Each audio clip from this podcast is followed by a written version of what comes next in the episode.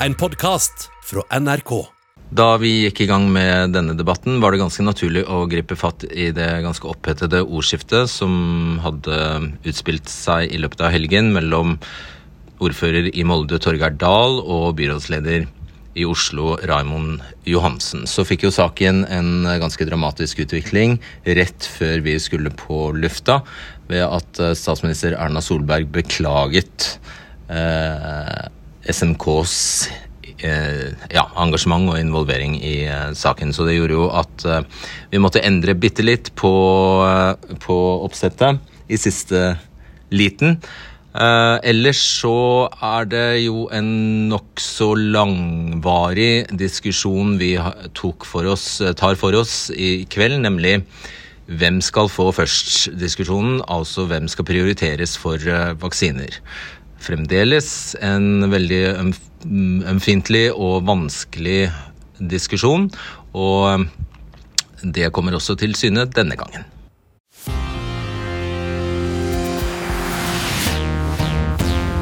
Velkommen til debatten. 330 steder i landet skal få færre vaksiner for at seks bydeler på Oslo øst og fire nabokommuner av Oslo skal få flere vaksiner. Vi skal straks debattere hvorfor det er rettferdig og riktig. Men først til Rosenes by, eller Nevrosenes by, som noen har kalt Molde de siste dagene. Lørdag gikk nemlig ordfører Torgeir Dahl fra Høyre ut i VG og sa at det går utover andre kommuner at Oslo nå igjen har en stigende smittetrend. Vi skal høre hva han sa. Jeg er lite imponert over hvordan byrådet har fremstått med Raymond Johansen i spissen. Hvis Oslo i større grad hadde greid å smittespore, greid å ha kontroll på, eh, på smitta til enhver tid, så kunne man hatt en større grad av åpning i deler av samfunnet. Oslos befolkning krever, fortjener et godt, solid lederskap i en krisesituasjon. Og det opplever jeg at Raymond Hansen ikke har stått for. Og så var lurvelevene i gang. Raymond Johansen kalte det et usmakelig utspill. Flere begynte å lure på om dette egentlig kunne være et koordinert angrep fra Høyre på det Arbeiderparti-styrte byrådet i hovedstaden. Mandag morgen sa Dahl i Politisk kvarter på NRK P2 at han bare snakket med Helsedepartementet før VG-saken sto på trykk. Både Erna Solberg og Bent Høie sa at de ikke ville blande seg i konflikten, men i går avslørte NRK at det var Erna Solbergs nærmeste rådgiver, statssekretær Peder Egseth, som hadde satt ordføreren i kontakt med VG. De to snakket sammen fire ganger i til sammen nesten en halvtime. Erna Solberg sa hun ikke visste, og hun kalte Dahls utspill et unødvendig sidespor. Og i kveld har hun beklaget overfor Raimond Johansen. Velkommen Magnus Takvam, eh, politisk kommentator her i NRK, og Geir Ramnefjell, politisk redaktør i Dagbladet. Hva vil du si om den siste utviklingen her?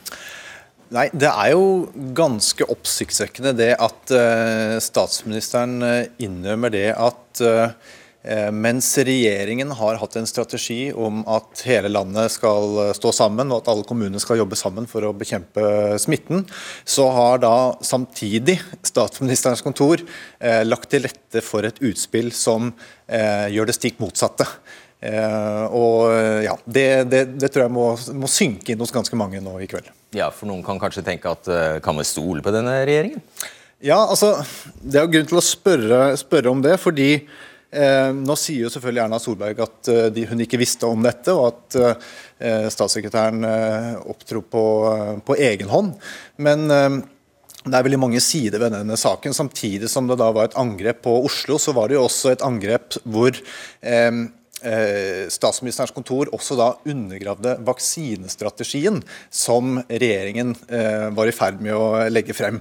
Eh, så det er da en undergraving av regjeringens strategi på flere ulike måter. Og da må man jo lure på liksom, hvem, er det, hvem er det man egentlig eh, debatterer mot når man er opposisjon? Er det med eh, statsministerens kontor og den offisielle strategien de har, eller er det den som de formidler til eh, via eh, ordførere fra Molde? Ja. Magnus Takvam, eh, det er jo et eh, særsyn, om ikke annet så er det et særsyn at en statsminister hasteinnkaller til pressekonferanse for å refse sin nærmeste medarbeider. Har du sett noe lignende? Nei, jeg kommer ikke på det, dette, men hun var nødt til det. Og uh, hun måtte beklage. Hun hadde jo allerede to ganger i korte meldinger riktignok, tatt avstand både fra innholdet i Torgeir Dahls uttalelser, og også refset sin egen statssekretær. Og I forlengelsen av det Ramnefjell er inne på, så Eh, så er det eh, vanskelig å forstå at i et så viktig spørsmål for tiden som nettopp vaksinestrategi, debatten om skjevfordeling mer til de eh, kommunene som har høyest smitte osv., at ikke alle sentrale medarbeidere ved statsministerens kontor er orientert om det. For det kan jo ikke da Peder Egseth ha vært, siden han bidro til en kritikk nettopp av den samme strategien via dette utspillet til Torgeir Dahl. Så det, det, er en sak som i sum eh, er meget vanskelig, og, og, og den svekker skal vi si, Tilliten er en stor ripe i lakken for Erna Solberg og SMK. Det er vel over nå som hun har beklaget, vel? Eh, jeg tror ikke det er noen no, altså På en måte så har ikke opposisjonen noen rolle i å kreve eh, Eh, noen skal vi si, aksjon direkte fra, eh, og handlinger fra Erna Solberg. Hun må uansett bare forsøke å bygge opp tilliten igjen, og det må også denne medarbeideren gjøre. Men det er klart, i den første fasen så vil nok dette svekke argumentasjonen i vanskelige saker omkring denne typen tema fra statsministerens kontor, og alle detaljer i saken er heller ikke framme. Det vil sikkert mediene bidra til å grave opp mer om og, og få ytterligere fram. Her ser vi dem på veggen, eh, statssekretær Egseth og ordfører eh, Dahl. Både de to og Erna Solberg var invitert, så har vi sagt det. Det kom jo også fram Ramnefjell, at uh, det var ikke bare Dahl Peder Egseth hadde vært i kontakt med av lokalpolitikere. Også stortingskandidat Bård Ludvig Thorheim og ordfører i Frosta Frode Revehaug hadde, hadde vært i kontakt med Egseth. Og på sett og vis det finnes vel ikke noe mer naturlig enn at en spinndoktor ved statsministerens kontor driver valgkamp i et valgkampår for partiet sitt? Ja, nei, det, det, er helt riktig. og det, det, sa jo også Erna Solberg på pressekonferansen som, eh, var nå klokken åtte, at det er helt naturlig at han får kontakt fra ordfører. Men det er også naturlig at Eh, at eh, Peder Egseth, statsminister, statsministerens nærmeste medarbeider, også forsøker å koordinere eh, utspillene eller koordinere partiets politikk så det er i linje med den offisielle strategien. Ellers så begynner man jo å lure på om det er flere konkurrerende strategier, men at det er en offisiell og en som er underspilt, men som har mer sånn valgstrategiske eh, hensyn. Eh, for det er jo veldig lett å se for seg hvordan Eh, Høyre kunne ha tjent på, eh, på, den konflikten som var nå. altså At en Høyre-ordfører stilles i front av et opprør mot en vaksinestrategi som er veldig eh, kontroversiell, eh, mot Oslo, da, som kanskje hadde blitt en representant for, eh, for, for byene som vil karre til seg vaksinene på bekostning av andre. Ja, for Det ble jo en by-land-konflikt plutselig, dette her. Ole Bjørner Lo Velde, du er ansvarlig redaktør i Romsdals Bustikke. Hvordan eh, opplever, eh, Moldefolk, eh, hvordan opplever du at Moldefolket har reagert på dette utspillet fra, ordfører Torgeir Dahl? Det har vært en veldig rar stemning i byen de her to dagene. Med en gang etter utspillet så fikk mange reaksjoner fra venner bekjente på, på Østlandet, som reagerte veldig sterkt på ordførerens uttalelser. Og Det tror jeg veldig mange i Molde også gjorde, og følte et behov for å distansere seg for, fra uttalelsene til, til, byens ordfører. Men likevel, Dahl peker jo på en del faktum, bl.a. at eh, de eneste smittetilfellene på veldig lenge i Molde hadde vært på jobbreise i Oslo. Og ikke minst at smitten i Oslo rammer hele landet på den måten. Er ikke moldenserne i bunn og grunn enig i det? Jeg tror du finner stemmer som er enig i det, og så tror jeg det er en litt sånn forenkling å si at en eller to smitta siste, siste måneden eh, skyldes jobbreiser til, til, Oslo, og så gjøre det til et angrep på eh, Oslos eh, smittevernhåndtering, byråden, og også stille spørsmål til innbyggernes evne til å følge, følge regler i, i, hverdagen. Og der, der blir det et veldig sånn Bare fortsett.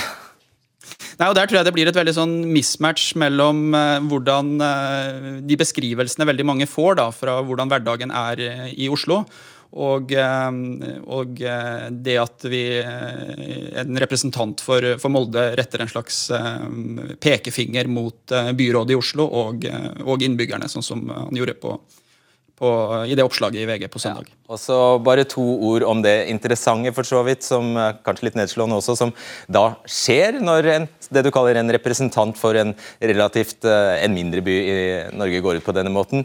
Det fører til bøtter av kjeft mot moldensere. Ja, Det tror jeg veldig mange har opplevd som, som leit og vondt.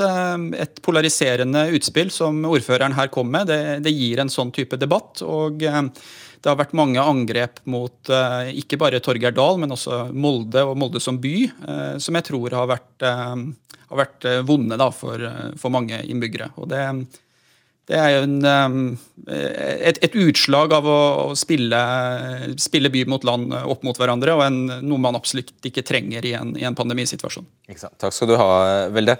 På tampen her, er det ikke litt hyklersk at man nå gyver løs på stakkars statssekretær eh, Egseth for at han blandet politikk inn i pandemihåndteringen, når det vi har sett det siste året, er at Stortinget har benyttet enhver anledning til å høyne budene når det gjelder tiltak og pengebruk. Vi har sett, eh, vi har sett eh, vi har, Det har vært masse diskusjoner om feriepenger for arbeidsledige. Har, man har klagd på regjeringen som får egen egenrådig, og at den har hatt daglig Ikke minst har jo regjeringen selv holdt på med daglige pressekonferanser der den har fått briske seg?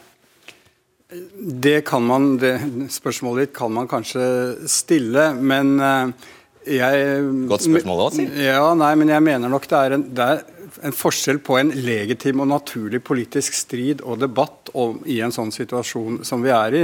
Men det som gjorde at saken tok fyr, var jo det underliggende budskapet, føler jeg, i eh, Torgeir Dahls eh, innlegg, nemlig at han, som dere har vært inne på, nærmest ga innbyggerne, i hvert fall indirekte, ansvaret for at de hadde ved uforsiktighet være med på å spre smitten rundt i andre kommuner i, i Norge.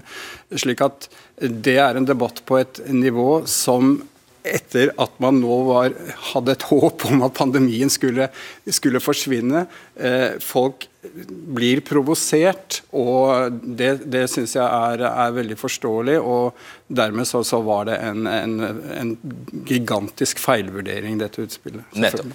Og Avslutningsvis, Erna Solbergs uh, håndtering av dette. da. Først så, hun også, først så toet hun sine hender helt og ville ikke ha noe med saken å gjøre.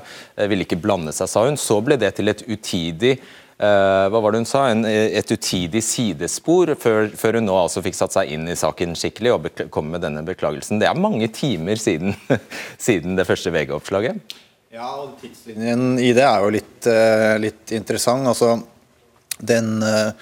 Eh, den kritikken mot Dahl kom jo først etter at NRK hadde kommet eh, på sporet av kontakten mellom Dahl og statsministerens eh, kontor, altså Peder Egseth. Så man, man kan jo lure på om, den, om hun hadde tatt om hun hadde kritisert Dahl hvis ikke hun visste at hennes egen medarbeider lå, lå tynt an. Oi, hva, antydet du nå? Nei, altså, det, er ikke, det, er jo ikke, å antyde noe. Det handler jo bare om at Erna Solberg hun, kom, hun sa først at hun ikke ville blande seg inn i kritikken, men på et tidspunkt hvor NRK var på sporet av at det hadde vært kontakt mellom statsministerens kontor ved Peder Egseth og Dahl om eh, utspillet i VG, så kom hun med en kritikk av, eh, av Dahl. Og Her er det en detalj vi bare skal informere om. Det er altså slik at Siden han jobber for regjeringen, så er han pliktig å utgi skriftlig korrespondanse han har. Så det ble gjort eh, innsynsforspørsler. Mm. Eh, og Da skjønte jo selvfølgelig regjeringen og, Erna Solberg at her kom det til å komme mye for en dag. og Dermed så måtte hun agere i saken på en helt annen måte. Så det er klart at Hun har blitt drevet fram av utviklingen av medias avsløringer i denne saken. og Denne beklagelsen og da reprimanden egentlig overfor Peder Eksted hadde jo ikke kommet dersom ikke media hadde gravd fram sakene. Mm. Han har sikkert lært, i det minste. Det vil jeg tro. det vil jeg også tro. Tusen takk skal dere ha. Og Nå skal vi få en eh, reaksjon fra eh, Raimond Johansen. Det er jo ikke bare Molde-ordføreren som mener det er helt feil å ta vaksiner fra andre kommuner og gi dem til bydeler i Oslo og kommuner med høyt smittetrykk. Det er eh, altså det som skal skje nå, og vi skal drøfte både konsekvensene og ikke minst rettferdigheten i det. Og til det har vi Bent Høie, som sagt, Raimond Johansen, velkommen. Camilla Stoltenberg og Erik Nord. Og du skal få en nærmere introduksjon aldeles straks, men vi må jo få din eh, kommentar til dette. Den beklagelsen ja. du har fått. Jeg er veldig glad for at eh, Erna Solberg eh, ringte og beklaget. Og sa hun at hun var lei for at uten hennes kunnskap at SMK hadde bidratt til å så splid mellom kommunene. Og kommunene er førstelinjetjenesten i koronapandemien, som hun sa. Og det er viktig å, å, gi dem den tilliten og autoriteten mot befolkningen som de er avhengig av. Og så hun beklaget veldig... at hun hadde bidratt, eller hennes, hennes, rådgiver hadde bidratt til å så splid? Det var det hun beklaget? Det var det hun beklaget. Og uh, jeg er glad for at hun ringte og beklaget det. Og uh, for egen del legge til at uh, det har nok vært en belastning også for veldig mange folk i Oslo, som også oppfattet at det var en sterk kritikk av dem. og jeg tror vi skal erkjenne det alle sammen, at uh, dette begynner å bli emosjonelt. Dette begynner å bli strevsomt. Og, og det glasset er for veldig mange i ferd med å bli fullt. Og det er klart at denne debatten har vært sterkt. Er det ikke da, nettopp da, Raymond Hansen, at du bør være den voksne, og så lar du være å kommentere sånne utspill som usmakelig? Da får du ned temperaturen, da får du ned følelsene. Eh, jeg syns det var det. Det var ikke noe behov for å rippe opp igjen i det. Men det var særlig det oppfattet som angrep på, på byens befolkning, som jo har vært uh, har tatt den største støyten. Og uh, det er også En annen ting som har vært interessant, er at Oslo er jo en innflytterby. Og uh, det har vært veldig mange innflyttere som har tatt kontakt og syns at nok er nok, og føler vel at de kanskje har fått beskrevet dette fra sine ute på en måte de ikke kjente seg igjen i. Okay. Vi lar det være komma, og så får du sette punktum. for Jeg er bare nysgjerrig. Jeg vet du ikke vil ha noe med saken å gjøre, men hva syns du om, om Molde-ordførerens partikollegaens oppførsel i saken? Nei, Jeg har sagt det hele veien at jeg syns dette er en helt unødvendig diskusjon. fordi det er ikke, Vi står i denne pandemien sammen og vi skal utover den sammen. og Vi er helt avhengig av å jobbe sammen. Jeg tror at folk forventer at eh, både ordføreren i Molde, byrådslederen i Oslo og jeg som eh, helseminister i denne situasjonen leder landet og finner løsninger, og ikke driver med den type diskusjon. Greit. Camilla Stoltenberg, hva er det dere har foreslått i dag? Vi har eh, levert en drøfting av spørsmålet om geografisk skjevfordeling, som vi har kalt det, mm. av vaksinedoser til eh, steder, dvs. Si bydeler og byer eh, i Oslo-området, som har hatt høyt smittetrykk over lang tid. Eh, og da ved å flytte doser fra andre deler av landet til disse delene av landet. Og så har vi beskrevet to ulike måter å gjøre det på. Eh, og har landet på, etter mye tvil, at vi anbefaler den eh, hva skal jeg si, beskjedne måten å gjøre det på som vi har. anbefalt. Og Hva oppnår man med det? Det man kan oppnå med det, er å redusere dødsfall og innleggelser nasjonalt.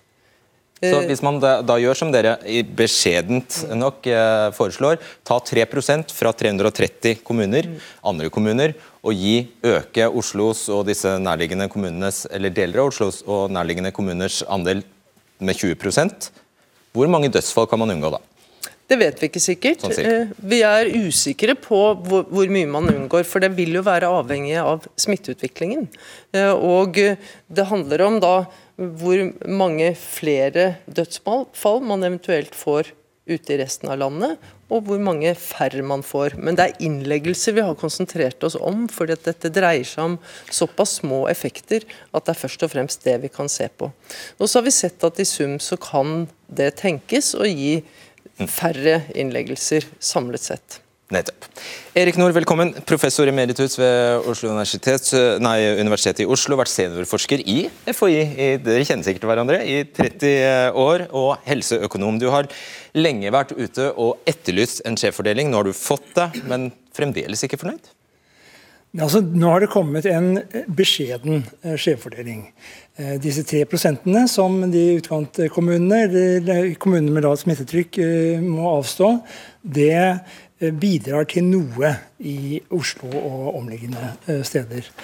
Eh, jeg, har, jeg, fikk rapporten bare for noen timer siden.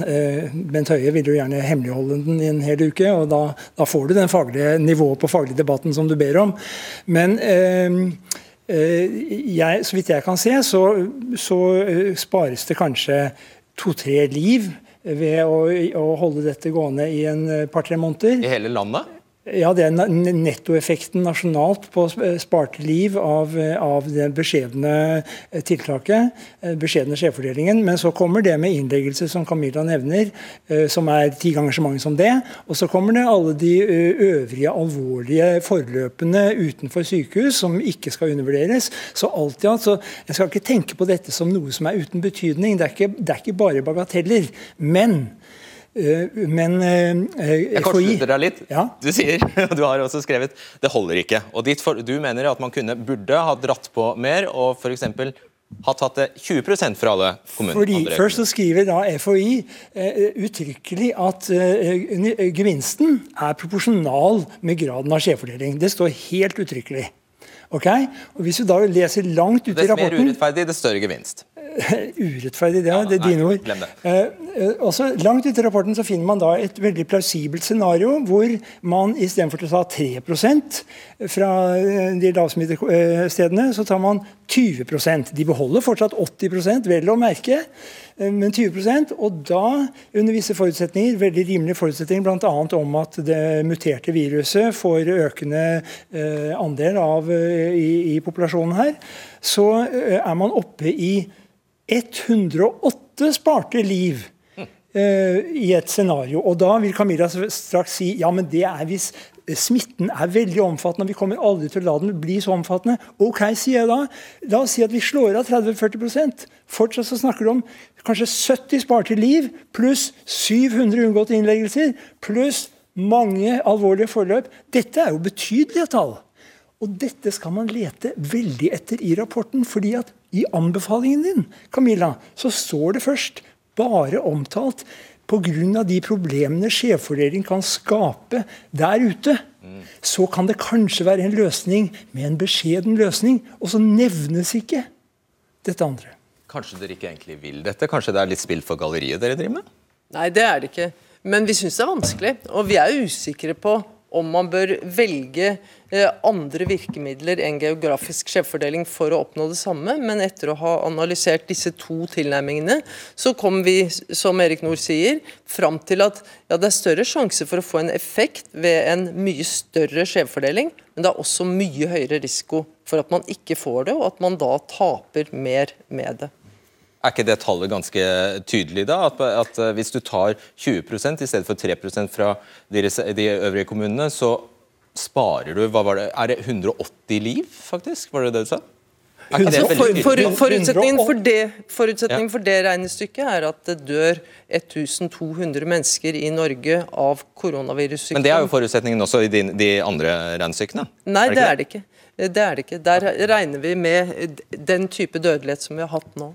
Som jeg sa, så kan man gjerne gå ned fra de 108 til noe litt mindre for å, for å være litt mer realistisk, men fortsatt har vi et høyt tall. Og, og, og den skal være klar over her, at Gjennomgående i rapporten til FHI så ser en det som for så vidt mange hele tiden har, har sagt og tenkt, at eh, det er ti ganger så stor gevinst du, eh, altså i Oslo-området enn det er tap i, i, i, utkanten når du flytter på, på vaksiner. Ti ganger så stor. Raymond Hansen, hvor fornøyd er du egentlig? Du må, har jo fått som du vil. Hvor fornøyd er du? For det første er jeg, veldig, jeg tror det er veldig riktig at man eh, lager en ny strategi. Den forrige strategien var jo lagt før det hadde tatt kommet inn noen vaksiner til landet. At man nå har vunnet erfaringer, blitt klokere, setter seg ned og gjør veldig krevende vurderinger. Det tror jeg er viktig, og at det nå legges noe mer vekt på at der det er størst smittetrykk, så vil det å ha flere vaksinedoser faktisk kunne hindre smittespredning, igjen som er positivt for hele landet, og redusere antall dødsfall. Men så er jo dette en beskjeden justering. La oss si Oslo, f.eks. Uh, Hva betyr det i antall for ja, Oslo? Det skulle jeg si. Det er snakk om da 12 000 ekstra doser.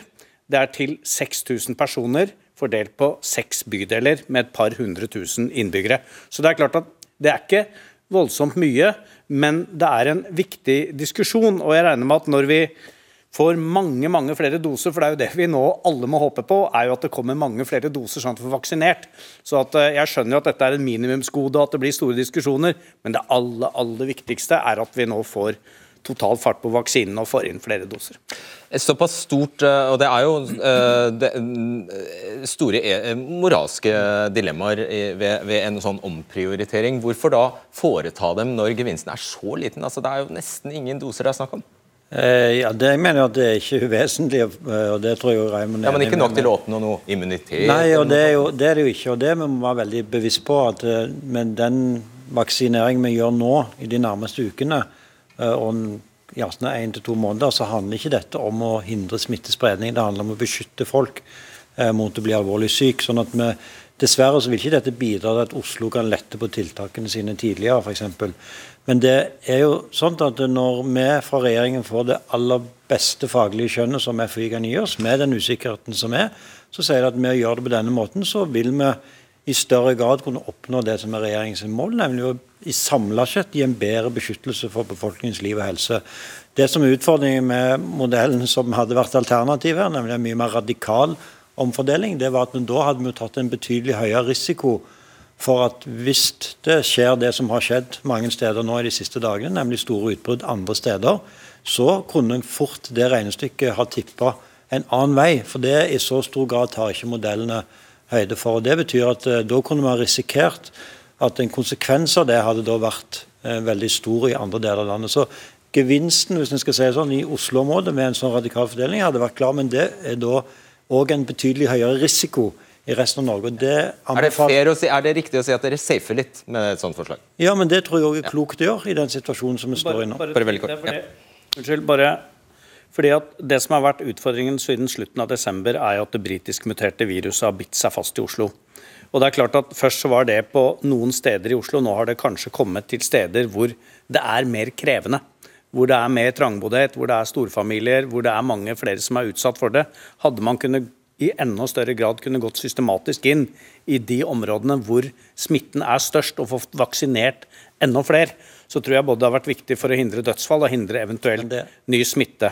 Men det har vi ikke hatt, og det har vi ikke heller vaksiner til å gjøre. Nei, det, det, det, vet jeg, men det var et eksempel på ja, at men, men, det blir en veldig teoretisk diskusjon. Og det andre er at det muterte viruset ja, kommer Den er ikke så teoretisk hvis du ser an på det, jo, den frykten Ja, med antall vaksiner, så er det okay. Men Greit. poenget mitt er at de muterte virusene som nå dominerer ikke bare i Oslo, men også i kommunene rundt, det vil dessverre dominere hele Norge i løpet av kort tid, sannsynligvis. Mikael Lægeland skal innom deg også. Du er fungerende ordfører i Bjørnafjorden kommune i Vestland for Senterpartiet. Og du er ikke glad for den nye vaksinestrategien. Hvorfor ikke det? Nei, Jeg mener at alle innbyggere er like mye verd, og at eh, vaksinen må fordeles eh, blant innbyggerne likeverdig. Så Det er min ståsted. og det er klart at Smitten den eh, har jo verken kommunegrense eller landegrense. En har hatt stort, eh, store smitteutbrudd eh, på Vestland, bl.a. I, i, i Kvam og i Ulvik, som er vesentlig I Ulvik er 10, bare 10 av innbyggerne smitta. Så dette kan flytte seg rundt i landet. og når vi snakker om Her er det fire vek, tre til fire uker fram i tid før dette skal settes ut i verk.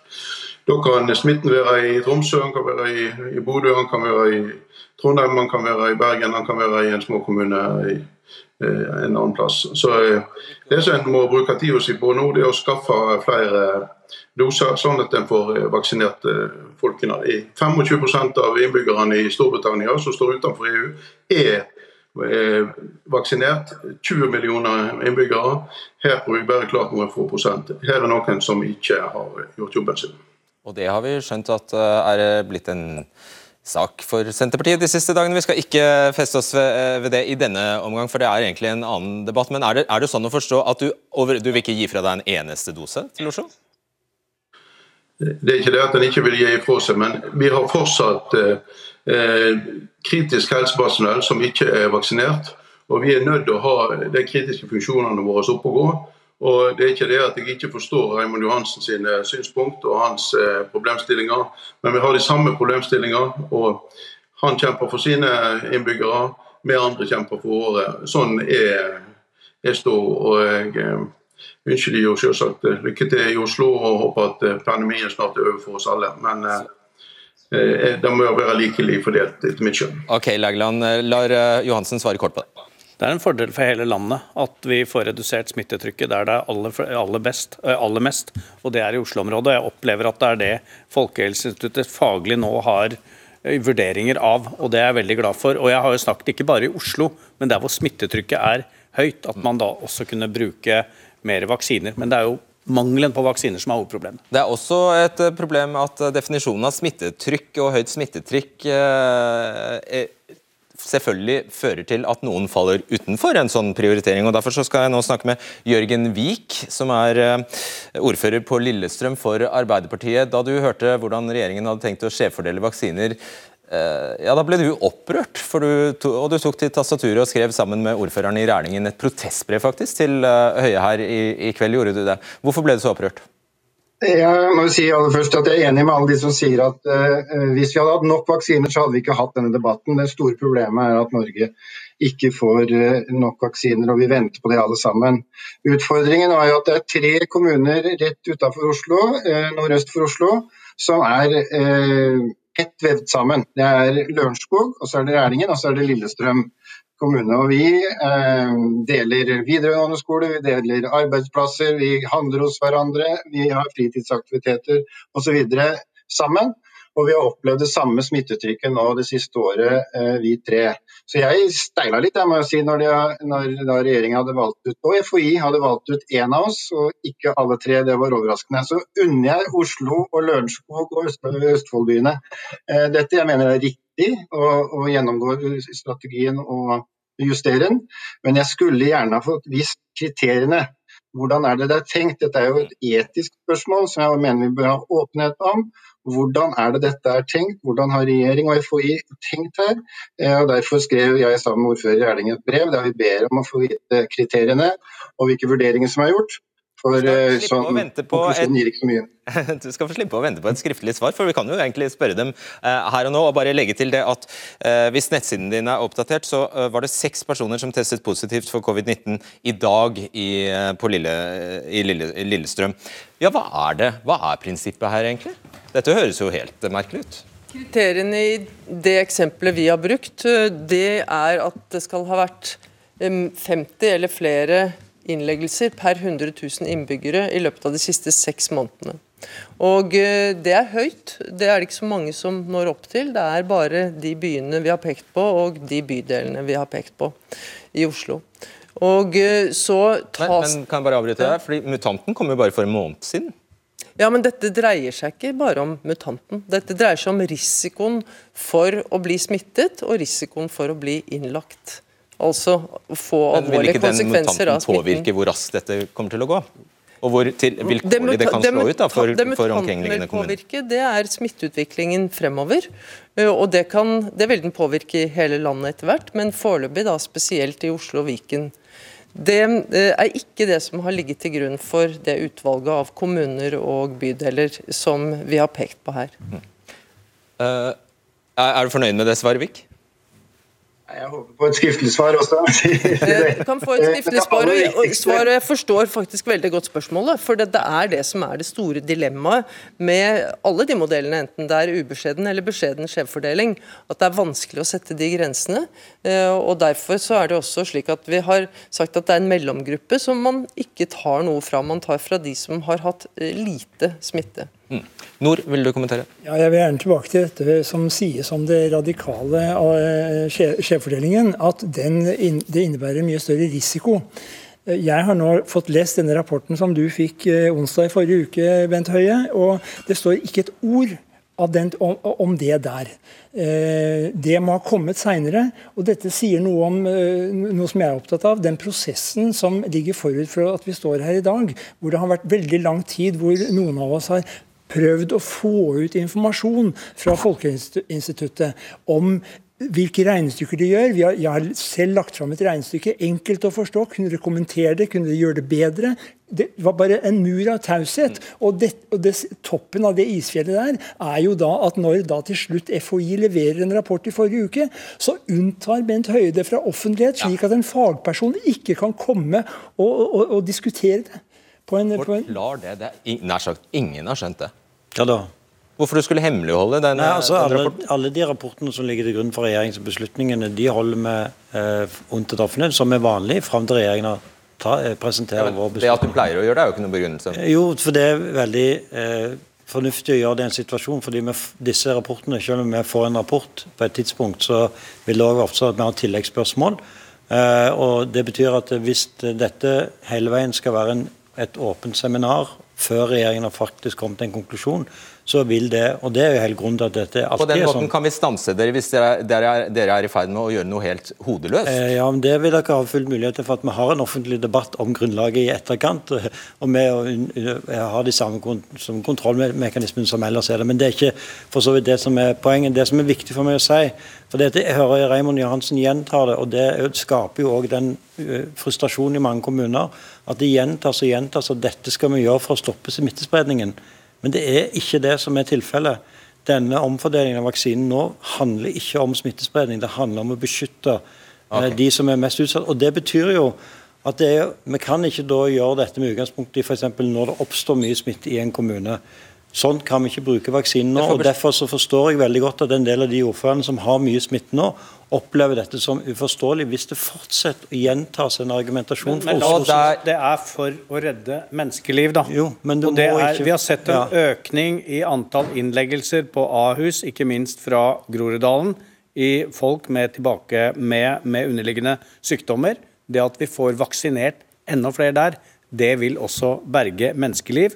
Og i det- tillegg kunne bidra til ja, Det er vi helt enige i, men Ja, derfor må du ikke fortsette å argumentere for at dette gjør vi for å stoppe smittespredning i Oslo, for da skaper du den type frustrasjoner som vi nå her ser. Du får bare holde opp med det, da. Eh, Det å berge, det å berge Han sier- når han sier det, så. Det er først når folk er smittet, det er da de har muligheten til å dø. Nei, det, der har du et poeng, og det var så godt at det får bare, det, det, vi går ut på det. Vi går ut på det, fordi jeg får beskjed om at det er over. Vi er tilbake på torsdag. På gjensyn. Ja, I reklamen for eh, debatten denne gangen så brukte jeg ordet innvandrertett. og Det var egentlig eh, for å bare med ett ord beskrive de bydelene eh, som da ville bli prioritert med en omlegging av vaksinestrategien. Og så ser jeg at på Instagram at det var flere som mente at det var et dårlig ord, og at uh, det virker stigmatiserende. Og det er bare Det er greit, det tar jeg helt til meg. Det var ikke ment negativt i det hele tatt. Skulle bare ha et ord som beskrev eh, Sa noe om utfordringen til nettopp disse bydelene, og det jeg kunne like gjerne ha brukt et annet ord som at de er flerkulturelle, eller at det er flere, mm, flere mm, med minoritetsbakgrunn i de bydelene. Eh, så det var men det skal jeg huske til neste gang, fordi eh, det er ikke, ord er viktige. Så det er ikke noe vits i å, å bruke ord som kan oppfattes eh, støtende eller stigmatiserende, hvis man kan unngå det. Selvfølgelig. Håper vi høres inn på torsdag. Du har hørt en podkast fra NRK. Hør flere podkaster og din favorittkanal i appen NRK Radio.